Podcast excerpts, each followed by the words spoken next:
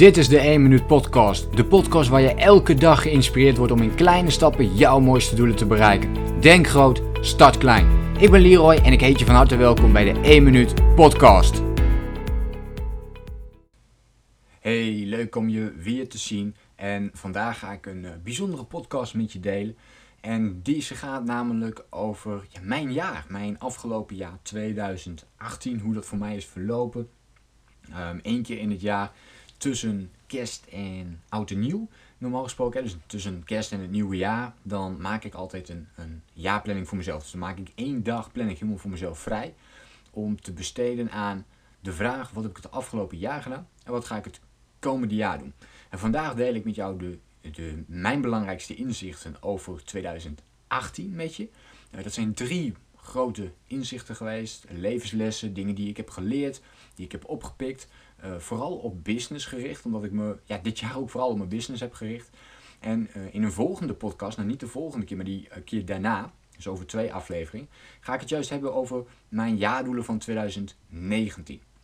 Oké, dus die twee dingen die heb ik allebei gedaan op die ene dag, tussen kerst en oud en nieuw. En ja, vandaag ga ik dat even met je doornemen. Uh, als jij deze podcast luistert, dan is het waarschijnlijk al uh, ver ergens in 2019, want ik plan altijd een x aantal maand uh, vooruit. Soms is dat 1, 2 of 3 maand, afhankelijk van.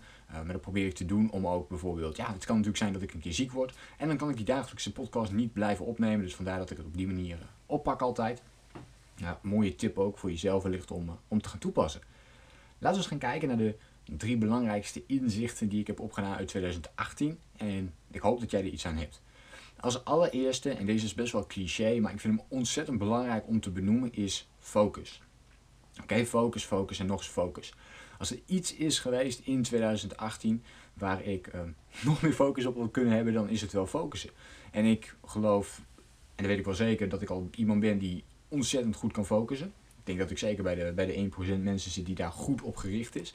En toch um, had ook ik dit meer kunnen oppakken. En ik zie dit ook in mijn coachingsgesprekken terug, in de gesprekken met uh, de mensen die, die lid zijn van mijn VIP coachingsprogramma's, in de community. Overal zie ik dit eigenlijk terugkomen dat we te weinig focus hebben. Dus te veel doelen hebben, uh, te veel taken hebben, onszelf te snel laten afleiden door omstandigheden. Dus door social media, door mailtjes, door allerlei andere dingen. Waardoor we niet echt de focus weten vasthouden op datgene wat we het allerliefste willen doen.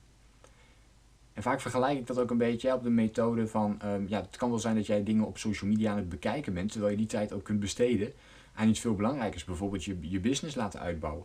Het kan ook zijn dat je zegt, ja, weet je, ik had beter mijn tijd kunnen besteden aan uh, een rondje hardlopen in plaats van nog een Netflix-serie kijken. Het gaat dan echt om dit soort kleine dingetjes die al kunnen zorgen voor veel meer focus. Je mail is natuurlijk een belangrijke, social media in het algemeen, WhatsApp. Uh, wanneer doe je dat wel, wanneer doe je dat niet? Onderwerpen die ik ook al wel veel en vaker behandeld in de vorige podcast, maar blijft ontzettend belangrijk. Dus focus, focus, focus is voor mij echt de nummer 1. En als ik kijk naar nummer 2, dan is dat de kracht van gewoontes. En de kracht van gewoontes die um, heel belangrijk zijn om continu uh, daarmee bezig te blijven. Dus dagelijkse gewoontes voor jezelf creëren die jij graag wilt hebben. En begin dus met één positieve gewoonte tegelijk. Als ik kijk naar het afgelopen jaar, dan heb ik me heel erg gefocust op het ontwikkelen van één gewoonte. In het, in het bijzonder. Ik heb meerdere gewoontes ontwikkeld, maar eentje in het bijzonder. En dat is uh, visualiseren. Dus ik heb bijvoorbeeld het boek Think and Grow Rich er nog eens extra bijgepakt. Als je naar deze podcast luistert, sowieso een aanrader, maar waarschijnlijk ken je dit boek dan al. En ik dacht van, weet je, ik ga echt eens de diepte in op dit ene boek. Dus het hele jaar heb ik dat boek er continu bijgepakt, een hoofdstuk uitgelezen, de oefeningen toegepast. En in dat boek wordt ook een visualisatieoefening genoemd. En ik dacht van, oké, dit ga ik nu eens een, een jaar lang, ga ik dit eens doen. En daarvoor deed ik het ook al een beetje. maar nu wilde ik het echt structureel in mijn schema brengen. Dus iedere ochtend wilde ik gewoon beginnen, of onderdeel maken van mijn ochtendritueel, het visualiseren. En dat is ook gelukt om dat als laatste blokje van het kwartier te gaan doen. En dat betekent dat ik elke ochtend even visualiseer wat is mijn belangrijkste doel, waar wil ik naartoe, waarom wil ik dit, uh, enzovoort. En dan pas ik die oefeningen toe. En ik merk nu al dat het een gewoonte is geworden, dat ik het blijf doen. Uh, en het voelt heel goed. En ik merk ook dat er resultaten uit zijn gekomen. Meteen vanaf het begin ben ik begonnen met visualiseren, begin 2018. En er zijn hele mooie resultaten uit voortgekomen. Uh, dus dat is ook een heel belangrijk, mooi inzicht. Uh, dagelijkse gewoontes ontwikkelen is zo belangrijk. En ook al uh, kun je maar één gewoonte ontwikkelen per jaar, weet je, over tien jaar heb je dan tien positieve gewoontes aan jezelf ontwikkeld. Maar het kan vaak veel sneller. Hè? Stel je voor dat je in staat bent om één per maand, één positieve gewoonte per maand te kunnen ontwikkelen. Ja, dat, is, dat is niet te geloven, niet te bevatten hoe, wat voor impact dat gaat maken. Dan heb je in een jaar tijd de kans om 12 positieve gewoontes aan jezelf te ontwikkelen. Nou ja, gaat dat een verschil maken in de rest van jouw leven, ja of nee? Gaat dat een impact maken als je dat kunt gaan toepassen? En dat hoeft alleen maar door elke maand dus te focussen op het ene doel en voor de rest eigenlijk helemaal niks. Dus hier komen eigenlijk die twee tips ook eh, terug, hè, focus. En aan de andere kant ook die, die positieve gewoontes, die dagelijkse gewoontes ontwikkelen en de kracht daarvan uitbouwen. Ik heb het al gemerkt in de laatste jaren dat ik continu gewoontes aan het ontwikkelen ben. Eh, dat er zoveel dingen verbeterd zijn en dat ik me juist daardoor ook kan, beter kan focussen op bepaalde prioriteiten. De derde die ik met je wil delen is echt helemaal gericht op, uh, op je business. De, vorige twee valt eigenlijk nog wel mee. Die kun je wel richten op je business, maar die kun je ook privé gebruiken. Maar de derde is echt gericht alleen maar op je business. Wat ik heb gemerkt, het afgelopen jaar ben ik me alleen maar gericht op mijn online business. En ik merk gewoon, dit is goud. Oké, dus heb jij een online business of heb je dat nog niet en zit je er een beetje aan te twijfelen? Dan heb je alleen maar fysiek iets, ga voor een online business. Oké, dat is echt nog steeds de toekomst. We zitten nu 2018. Er zijn, je ziet al mensen uh, die, die al een paar jaar daar bijvoorbeeld heel succesvol in zijn, maar nog steeds staat het in de kinderschoenen. Om dit heel erg goed en mooi te kunnen uh, doorontwikkelen. Ik zie het ook zelf in mijn eigen online business, dat uh, heel hard is gegroeid het afgelopen jaar.